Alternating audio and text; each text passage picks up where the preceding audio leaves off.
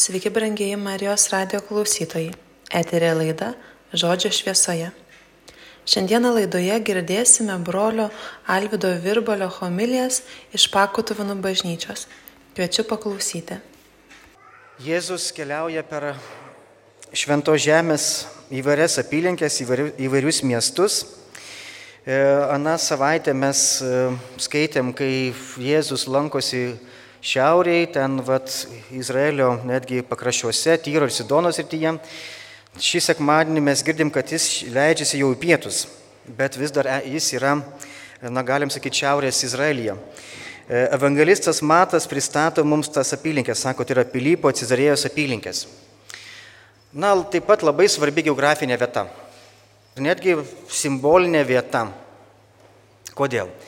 Cezarėjos miestas buvo įkurtas didžiojo erodo.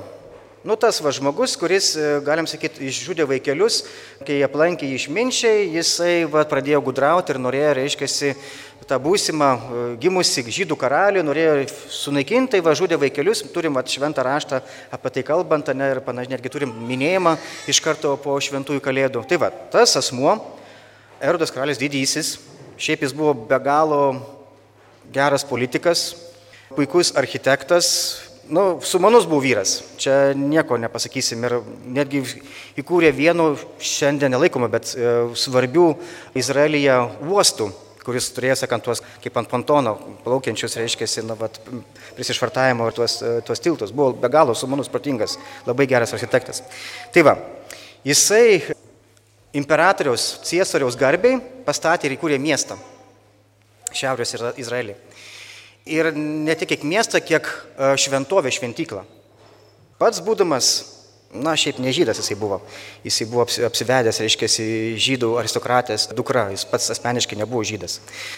Taip pats būdamas visgi priklausantis, sakant, tai šitai vat, bendruomeniai žydų, pastatė Ciesorių imperatoriui šventyklą.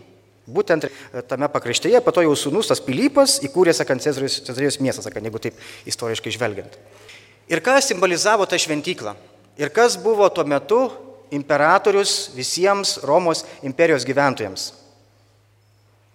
Imperatorius buvo taikos nešėjas, išganytojas, įsikūnijęs Dievas arba Dievo sūnus. Visi tie atributai, kuriuos mes randam parašytus Evangelijui apie Jėzų. Visi paratiškai tie patys. Na va, ir evangelistas Matas, jisai žino, ką čia daro. Jis specialiai nori šitą va, vietovę, šitą šventyklą vienoj barikados pusėje pastatyti, o kitoj barikados pusėje savo klausytams apreikšti, kas yra tikrasis mesijas, išganytojas, taikos nešėjas, viešpats, karalius ir Dievo sūnus. Tai žiūrėkit, kas įvyksta tenais, toj vietovėje.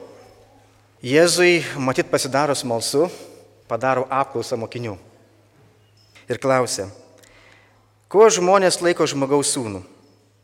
Kaip mokiniai, apaštalai, nu įvardyjam, ką jie greičiausiai yra girdėję. Bet jie įvardyja mirusius žmonės. Jonas Krikštytojas miręs, Elijas miręs, Jeremijas miręs arba dar kažkas iš pranašų. Kitaip tariant, va, tie žmonės, kurie bent jau girdėjo kažką apie Jėzų, jie, na mes galim teikti, kad jie jau suprato, kad Jėzus turintis tikrai kažkokią stiprią galę, dvasinę, dievišką galę esantis žmogus. Bet dar negebantis įvardinti, kad jis yra Dievo siūstasis, pateptasis asmuo. Arba pats Dievas. Ir Jėzus užduoda kitą klausimą. Jau klausimą asmeninį patiems mokiniams. Tas klausimas turi nuskambėti ir mumise. Paklauskim savęs, ne? E, Jėzus sako kiekvienam iš mūsų, o kuo jūs mane laikote? Žvelgiant į mus pačius, tikrai esame netobuli, bet dažnai pagalvojam, kad Jėzus yra stebuklų darytojas. Jėzus yra, mm, na, tikrai jis yra karalius. Jėzus yra ir gydytojas. Jėzus daug labai atlieka gerų dalykų. Labai daug. Bet kur čia vat yra, na, tas toksai kabliukas užkabintas, į ką Jėzus apeliuoja, klausdamas mokinius. Jisai, va žiūrėkit, mums pateikė atsakymą Petrai, kuris visų mokinių vardu išpažįsta, kad tu esi Mesijas gyvojo Dievo sūnus. Šiandien mes šitą teoriją žinom. Išmokom katekizmą, kas būdami vaikai, kas vyresni būdami, mokam katekizmą ir jau šiandien visi galim pasakyti, kad Jėzus yra Mesijas Dievo sūnus. Arba Kristus graikiškai. Bet ką reiškia šitas išpažinimas pirmo amžiaus žydui, o gal netgi krikščioniui, kuris tikėjo, kad Jėzus yra Dievas. Jau kalbėjom, kad va Ciesorius yra turintis visokiausių tų pačių atributų, ką Jėzus šiandien sakant turi. Kaip suprato žydai, kas yra Mesijas, kas yra Kristus graikiškai? Jie prisimena laikus prieš 800 metų. Kalbėdami apie Mesiją, lietuviškai reiškia Dievo pateptasis. Va, tą noriu pasakyti. Jie prisimena labai senus laikus, kai Izraelis buvo visiškai nepriklausomas, niekino neokupuotas ir turintis vieną karalių, kuris buvo Dievo išsirinktas ir pateptas. Na, pavyzdžiui, kaip sakysiu, ne, mes lietuviai turim kiek karalių? Kiek? Negirdžiu ne atsakymą. Vieną, teisingai. Jo vardas koks? Tai va, žinot, gerai. Aš noriu prisakam palyginimus, ar ne? Kai mes sakom, va, tikrai mes buvom karalystė, turėjom vieną karalių, žinom jo vardą Mindaugas, va, tikrai jis ten gebėjo ar kardu, ar suvienint, sakant, va, tą teritoriją ir mes tapom kitų tautų akise, prieėmė krikščionybę, mes tapom, va, viena karalystė pripažinta. Vat mūsų valstybingumas prasidėjo nuo vat, būtent šitų metų. 1250 kažkilintų metų, kai karalius Minugas priėmė krikštą ir vat, buvo, galim sakyti, krikščioniškai vezintas, suteikta vat, tas titulas karalius. Mes patys netgi kartais pasvajojame apie tuos laikus. Tai žydai lygiai taip pat svajojo apie karalių Dovydą, kuris valdė suvienintą karalystę ir jis buvo ir politinis lyderis, ir aiškus buvo dvasinis lyderis. Tai štai, vat, tą reiškia Mesijas to meto žmogui. Šiandien mūsų visiškai ką, kitą reiškia, nes mes jau, ačiū Dievui, esame išmokę ir žinantis tą bažnyčios mokymą apie Jėzų. Tai štai, kai, kai Petras, apaštalas Petras išpažįsta, kad Jėzus yra Mesijas ir svarbiausiai gyvojo Dievo sūnus, jis prisimena karalių Dovydą, bet žengia žingsnį į priekį. Sakydamas Jėzau, aš tavo asmenyje atpažįstu dievišką asmenį. Dievišką asmenį. Ir Jėzus atsako jam, pateikdamas čia visą, visą eilę dovanų, labai svarbias dovanos ir misijos teikiamas dabar atsakymui į Petrui. Ir sako, Simonai, Jono sūnau, tu esi palaimintas nes ne kūnas ir kraujas tai tau reiškia, bet mano tėvas, kuris yra danguje. Ir sako, čia labai svarbus palaiminimai, kuriuos Jėzus suteikė Simonui arba, na, mes sakome šiandien Petrui. Suteikė jam naują vardą. Vienas dalykas. Antras dalykas sako, kad e, ant šito vardo, ant šitos vietos aš pastatysiu savo bažnyčią. Antra dovana. Trečia dovana. Aš tau Petrai, Simonai sakant, duosiu raktus Trečia dovana. Ir ketvirta dovana, kurias Jėzus suteikė. Aš tau leisiu, vat, nuspręsti, nuspręsti, ką tu suriši žemėje, bus surišta ir danguje, kad tu atriši žemėje, bus atrišta ir danguje. Keturios dovanos arba keturios misijos suteikė Jėzus po šito svarbaus išpažinimo, kad e, jis mato dievišką į asmenį. Dabar pasidomėkim, ką, kokia yra prasmė šitų keturių dovanų. Mes žinom kitą įvykį, pačiai pradžios knygoje, kaip Dievas e, suteikia kitam asmeniui kitą vardą. Buvo Abramas toksai, klajoklis, na vad, ir kai jau Dievas jį patikrino, suteikė jam vardą Abromas. Panašiai vyksta ir čia. Prieš tai buvo asmuo vardu Simonas ir Jėzus sako, nuo šios akimirkos tu nebesivadinsi vardu Simonas, bet vadinsies vardu Petras. Nu, čia būtų, aišku, hebrajiškas vardas. E, Petros būtų, jeigu graikiškai, bet būtų, būtų hebrajiškas vardas. Lietuvių kalba mūsų čia verčia vat, vertėjai žodžių uola arba gali būti verčiamas kaip žodis akmuo.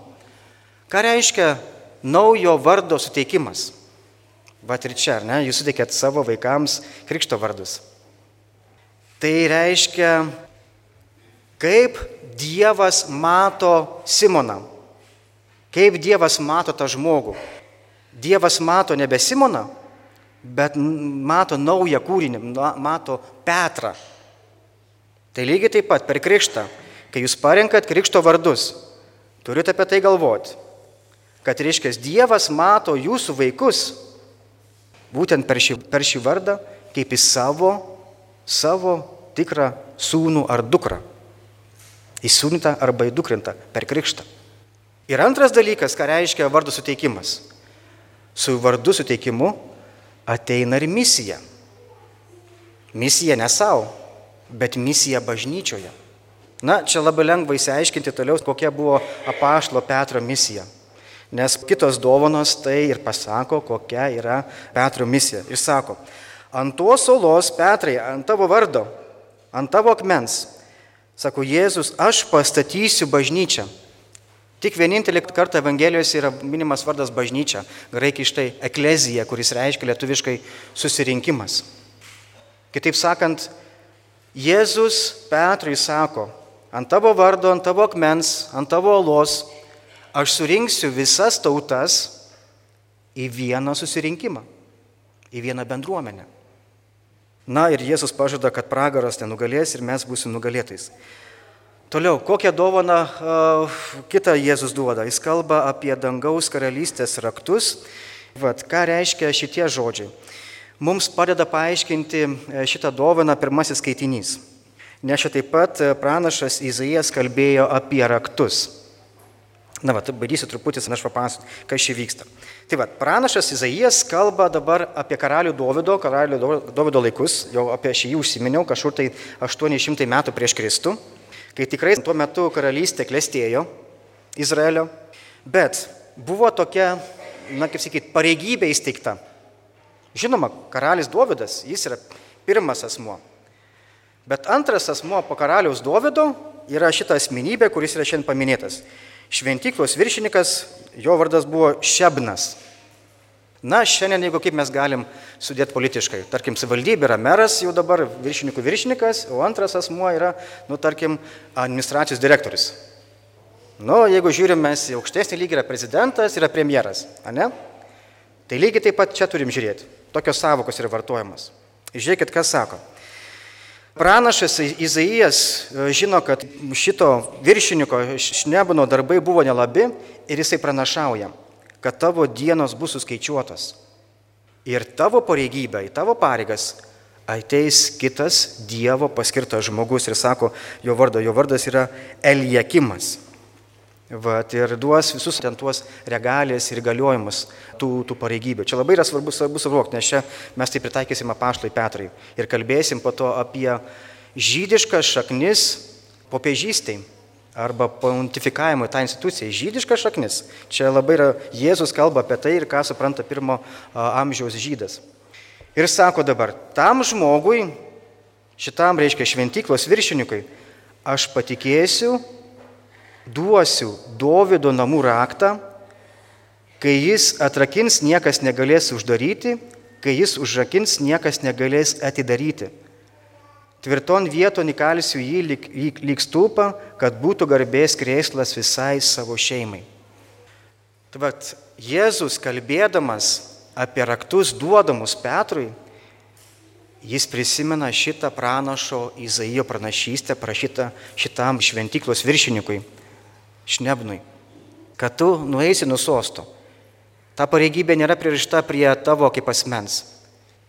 Ir Dievas suteiks kitam asmeniui atsakomybę. Atsakomybė sakant raktai, kurie, na, ženklina, kad Dievas suteikia pareigą kaip tėvui rūpintis tauta. Tai žinoma nepaneigia karaliaus Dovido pirmumo. Bet kalba apie antrą asmenį, kuriam yra sutikta speciali misija - rūpintis išrinktąją tautą. Na, kaip ir mes šiandien sakom apie premjerministrą, kuris taip pat yra jo atsakomybė tiesiogiai rūpinti savo tautą. Tai štai apaštlas Petras, Jėzus jam suteikia kaip tėvui rūpintis bažnyčią arba, kaip mes sakom, susirinkimo visom tautom surinktom į Dievo glėbį, į Dievo ruodą. Tai nepaneigiant, kad kiti apaštlai neturi vat, mokymo galios ir panašiai taip toliau taip. Bet jam vieninteliam Jėzus patikėjo raktus. Iš čia bažnyčia semėsi stiprybės, kalbėdama apie pirmą iš apaštalų popiežių - Petrą ir po to seka nuo jo kad pats Jėzus įteikia šitam asmeniui e, raktą, kuris daug ką simbolizuoja. Simbolizuoja mokymą, simbolizuoja e, aiškinti tikėjimo tiesas, e, simbolizuoja vat, įvairiai kaip vat, teikti na, nurodymus, kaip turi bažnyčia gyventi ir panašiai. Kitaip tariant, kalba apie popiežiaus viršenybę ir neklistamumą. Ir tai viskas ateina iš žydiško supratimo, ne iš kažko tai kitokio, nes Jėzus sakant taip paaiškina. Šiandien, vat, kalbėdami apie tai, norėčiau taip akcentuoti. Tas asmuo yra mums regimas vienybės ženklas, surinkantis mus iš skirtingų tautų ir vedantis mus į pažadėtę tėvynę, į dangaus tėvynę į dangaus namus. Ir kas svarbiausia, tai yra ne žmogaus pramatyta, bet paties Jėzaus palikta, sumanyta ir įsteigta. Paties mūsų kurėjo viešpaties Jėzaus Kristus. Ir šiandien aš kviečiu, visi, kurie mes čia esam, kviečiu pradėti galvoti ir jausis, kad mes esam bendruomenės vienos bažnyčios nariais. Labai lengva ją pasipiktinti kalbėdami, vat, anie tokie, aišku, čia iš tiesų mes, kunigai, daug ką mes prisidėję. Mes va tokie, nu, taip, taip ir yra, aš čia nieko neneigiu. Labai lengva pasipiktinti, sakant tuo, kam aš nenoriu priklausyti. Bet su mūsų skauduliais ar džiaugsmais vis vien mes priklausome vienai taip pačiai Dievo bendruomeniai. Ir mano pasirinkimas gali būti koks. Parašau prašymą, aš išeinu, ar aš sakau, Pradėkim keistis. Pradėkim panašėti į Jėzų. Gal iš pradžių nepavyks, bet pradėkim nuo šios akimirkos.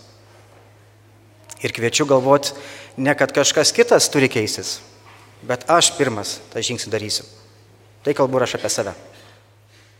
E, sunkios pamokos, e, kurios Jėzus šiandien įkvepia ir e, duoda mums. Bet verta tuo žingsniu žengti. Su jumis laida Žodžio šviesoje. Kviečiu toliau klausytis brolio Alvido Virbalio homiliją iš sekmadienio šventų mišių pakotavinose. Taigi, Jėzus kalbasi su savo mokiniais šiandien ir skaitom 14 skyrių, yra keletas skyrių po pasnės vakarienės, prisimenam, kaip Jėzus plauna mokiniams kojas ir po to Jėzus kalbasi su savo mokiniais. Ir um, žinodamas, kad jo kančia, jo mirtis tuoj bus netrukus, kokius Jėzus kalba žodžius. Kalba su mokiniams apie, apie tėvą, apie dvasę globėją, apie tiesos dvasę, apie meilę, apie įsakymą ir kvietimą pasilikti jame. Tokiu būdu Jėzus bus mumise ir mes gyvensime kartu su juo. Na, bet kad būtų truputį sunkiau, kviečiu, na, užduodu klausimą retorinį. Jėzus sako, jeigu mane mylite, jūs laikysitės mano įsakymų. Ar mylim Jėzų? Iš karto noras ar nesakyti taip, nu, kaip čia kitaip pasakysi, nepatogu kaip bažnyčiai kitaip pasakyti. Bet Jėzus sako, vat, na, pakartosiu iš tiesų. Kas pripažįsta mano įsakymus ir jų laikosi, tas tikrai mane myli. Aš žvelgiu į save ir suvokiu, ir pripažįstu, kad esu nuodėmingas. Na va, ir su ta meilė Dievui yra problemų. Na, bandau pasiteisinti, aš gal ne viską suvokiu. Aš esu silpnas. Vat ir pats apaštas Paulius sako, kad mes nešiojame tikėjimą kaip moliniuose puoduose, kurie, nu, dušta. Mes esam trapus. Bet ir čia jis papildo, kad mūsų silpnume ir glūdi Dievo galybė, nes tada mes drįsam sakyti, Dieve, ateik. Dieve, tu būk mano viešpas, tu būk mano atpirkėjas. Kitokiu atveju būsiu pats savo gražiausias, tobuliausias, nu, šventas. Bet šventumas yra Dievo dovana. Ir visgi, grįžtu prie to pačio sakinio. Ar tikrai aš myliu Dievą? Ar tik tikrai aš myliu Jėzų? Ar tikrai aš myliu dangiškojo tėvą? Nes Jėzus papildo, jeigu taip yra, aš laikysiuosi jo įsakymų. Šventas Augustinas iš Žypo, jisai taip aiškina ir taip sudėlioja dešimt Dievo įsakymų. Jisai suskirsto į dvi grupės. Pirmieji trys įsakymai yra kalbantis apie, apie meilę Dievui, o kiti septyni sakymai yra apie meilę žmogui arba apie meilę kitam asmeniui. Na va, truputį pavildenkim e, tuos įsakymus. Prisimenu, jau galbūt esu pasakojęs, bet matau daug jaunų, kitų veidų ir jaunų veidų. Tai kai aš pats buvau diakonas, vat, Kauno kunigų seminarijai, e, nu, prieš tampat kunigu, prieš gaunant kunigystės šventimus, yra tokie vadinami pro orinimus egzaminai. Ten e, turi va, diakonas, klierikas išlaikyti tris egzaminus. Tai yra moralinės teologijos, nu apie tai sakant, apie mūsų elgseną Dievo šviesoje, teologijos egzaminas, nu, va, tikėjimo, ne vien tai pagrindai, bet tikėjimo mūsų va, esmė. Ir yra kitas egzaminas, yra kanų teisė. Na, e, būdas, e, kaip bažnyčia kuo vadovaujasi ir kaip nustato bendravimo na, ypatybės tiek bažnyčiai, tiek kalbant apie sakramentus, ten apie daug dalykų, sakant, galim rasti, ten labai daug, labai, labai daug retų kanonų. Nu va, ir viskupas Imanauskas, tada jis buvo dar viskupas auxiliaras Kauno, Kauno viskupijai, mūsų visus diakonus, mes buvom septyniese. Dar tada diakonai, jau čia diakonai, jau nebe, nu, jau, jau, jau su šventimais, jau pirmas, pirmas laipsnis kunigysės, jau jautėmės tokie jau, nu, nuosės pakėlė, jau mes jau čia viską žinom. Nu ir ką, sako, padarom tokį apšilimą prieš jūsų jis, kadangi dėsti moralinę teologiją, apšilimą padarom prieš tą egzaminą. Dabar prašom pailiui išvardinti po vieną dešimt Dievo įsakymų. Nu, po vieną įsakymą. Šaltis nuėjo. atrodo, atrodo dalykai išmokti pirmosios komunijos pasirišimo metu, bet šaltis nuėjo dėl to, kad, o kaip čia, nesuklydus, kaip čia teisingai, teisingai sugrupavus. Nu va. Tai vad, pirmas įsakymas - neturėk kitų dievų, tik mane vieną. Nu va ir pagalvokim. Jėzus sako, jeigu mane myli, kitų dievų neturėsi.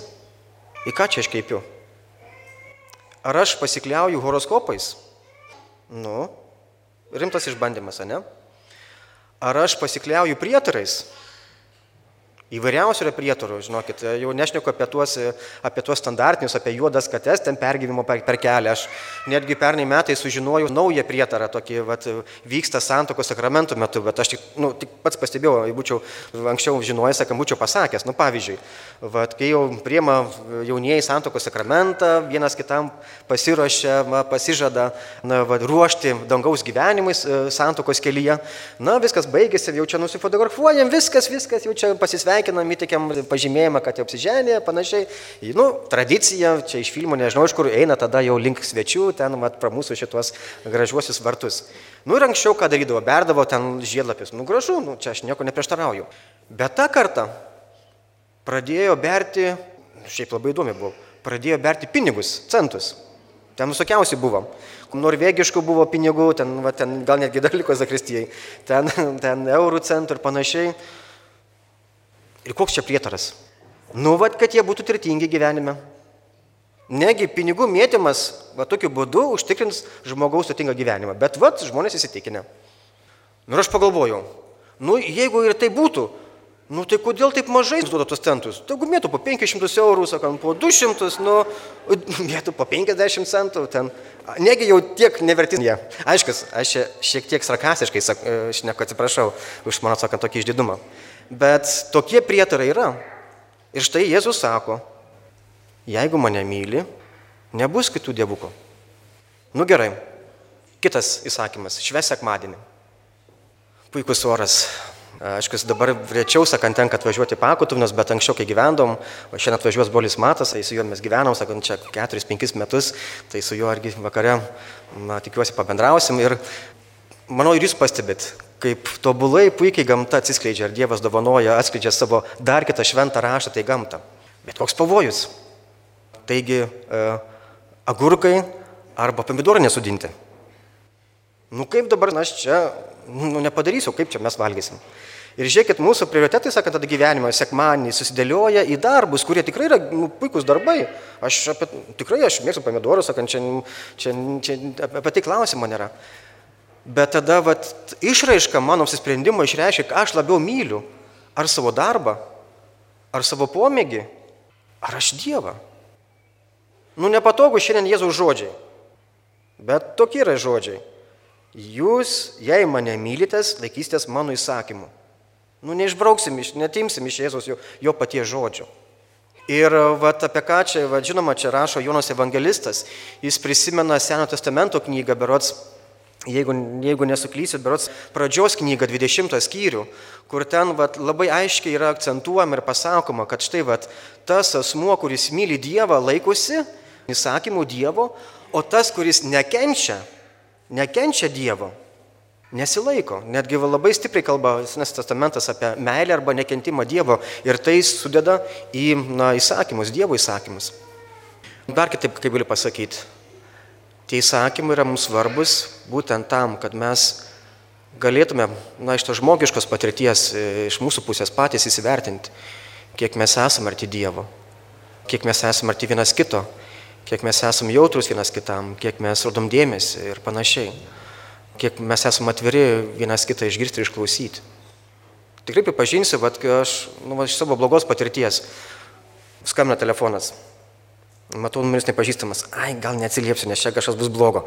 Tai va ir taip, nu nėra sakant, čia va, mano artimo melis, aš dar nemoku taip pat. Jau matai, kas skamba skambutis, va, jau čia pažįstu žmogų, nu jau čia reikia, kad atsilieti, jau čia bus įdomu, pasikalbėsim.